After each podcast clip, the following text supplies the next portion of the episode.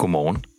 Du lytter til morgenpodcasten Kort om klimaet, produceret af Grøn, i samarbejde med Unge Klimarådet og støttet af KR Foundation. Din vært i dag er Jakob Fredsbøger Christensen. Godmorgen. Det er i dag onsdag den 19. oktober, og jeg har udvalgt dagens tre vigtigste klimanyheder til dig. Liberal Alliance støtter fuldt op om en CO2-afgift for landbruget. Socialdemokratiet forsøger at fremstå grønnere end Venstre, og Aarhus Kommune får endelig ansat nye, kolde hænder. Til netmediet Altinget fortæller Ole Birk Olesen, at Liberal Alliance også ønsker en 70% reduktion af CO2-udledningen for Danmarks produktion i 2030. Og en ensartet CO2-skat bør være vejen dertil. Udmeldingen har overrasket, da Liberal Alliance står uden for klimaloven fra 2019, der netop slog fast, at 70% var målsætningen. Men i virkeligheden udfylder Liberal Alliance nu bare et tomrum, som de andre borgerlige partier har efterladt. Da klimaloven blev vedtaget, og Venstre og Konservative gik med i den, der understregede de to partier, at et afgørende princip for dem var, at den grønne omstilling skulle være så omkostningseffektiv som muligt. Det måtte ikke koste danskerne mere end højst nødvendigt at nå klimamålene. Men efter både Klimarådet og de økonomiske vismænd har vist, at den billigste måde at nå i mål er ved at beskatte landbruget på samme niveau som resten af det danske erhvervsliv, så er princippet om omkostningseffektivitet trådt i baggrunden hos de to store borgerlige partier. Det er det tomrum, Liberal Alliance nu træder ind i. Ole Birk Olesen vil have, at prisen på en vare afspejler den skade, produktionen har forvoldt vores klima og miljø. Uanset om det betyder, at folk så får lyst til at købe mindre svinekød eller ej. Og nu var det Liberal Alliance, så vil partiet naturligvis bruge provenyet fra en ensartet CO2-afgift på landbruget til at lette skatterne i Danmark generelt. Vi skal under radaren og i Klimamonitor og se på noget, som dog næppe er gået nogens næse forbi. Socialdemokratiet vil gerne fremstå grønnere end Venstre og de konservative. Og nu sætter de sig fast på, at det er reduktioner i landbruget, der skal bringe os i mål med klimamålsætningerne om 70% reduktion. Socialdemokratiet har ellers haft problemer med reelt at fremstå mere progressiv end de store partier for Blå Blok.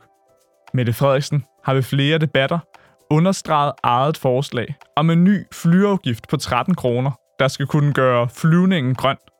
Afgiften er dog bevidst sat så lavt, at den ikke må påvirke folks adfærd og lyst til at flyve. Og som indtægtskilde til finansiering af den grønne omstilling, der blegner provenyet for flyafgiften i forhold til Venstres politik. Flyafgiften skaffer 1,8 milliarder kroner, mens Venstre ved delsalg af Ørsted finder 60 milliarder kroner til at investere i forskning og nye teknologier. Derfor er det centralt for Socialdemokratiet, at de er nogen, der tør gøre noget ved landbruget. Igen er der dog uoverensstemmelse mellem handling og målsætning. For at nå 70% målsætningen i 2030, mangler vi i Danmark, på papiret, at finde reduktioner for 5 millioner ton CO2-ekvivalenter. Og det er dem, Socialdemokratiet nu erklærer, at de vil finde i landbruget. Klimaministeriet har dog selv fundet såkaldte tekniske og arealbaserede potentialer for 16 til 26 millioner ton CO2 på tværs af alle sektorer i Danmark. Det er derfor i princippet ikke nødvendigt at røre dansk landbrug for at nå målsætningen. Da man ifølge Klimaministeriet eksempelvis kan finde over 5 millioner tons reduktioner alene ved at få bio- og PTX-brændstoffer i vejtransporten. Og den åbning har Venstre udnyttet til ikke at vi love at finde 5 millioner tons reduktioner i landbruget. Den åbenlyse modsætning i Socialdemokratiets politik er, at hvis vi kan finde 26 millioner tons reduktioner i hele samfundet i 2030, hvorfor er vores reduktionsmålsætning så kun sat til 5 millioner ton? Den nuværende målsætning om 70% reduktion i 2030 og 100% i 2050 er langt fra at leve op til Paris-aftalen. Hvis vi skal have en 67% chance for at holde temperaturen under 1,5 grader, skal vi reducere med 90% i 2030 og 100% i 2032, hvis vi skal tage samme ansvar som alle andre mennesker på kloden.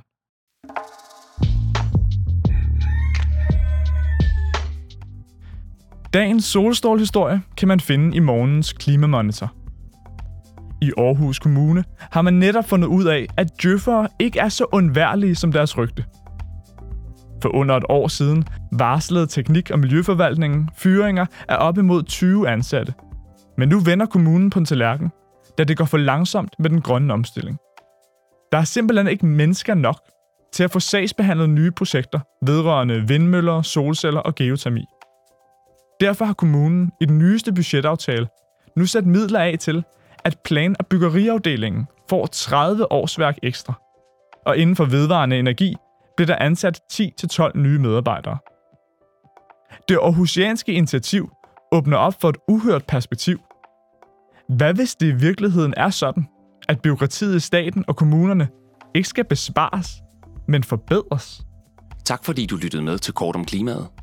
Vi har alle ugens hverdage udsendelsen klar kl. 8. Hvis du vil høre den med det samme, så gå direkte ind på vores feed på kortomklimaet.dk.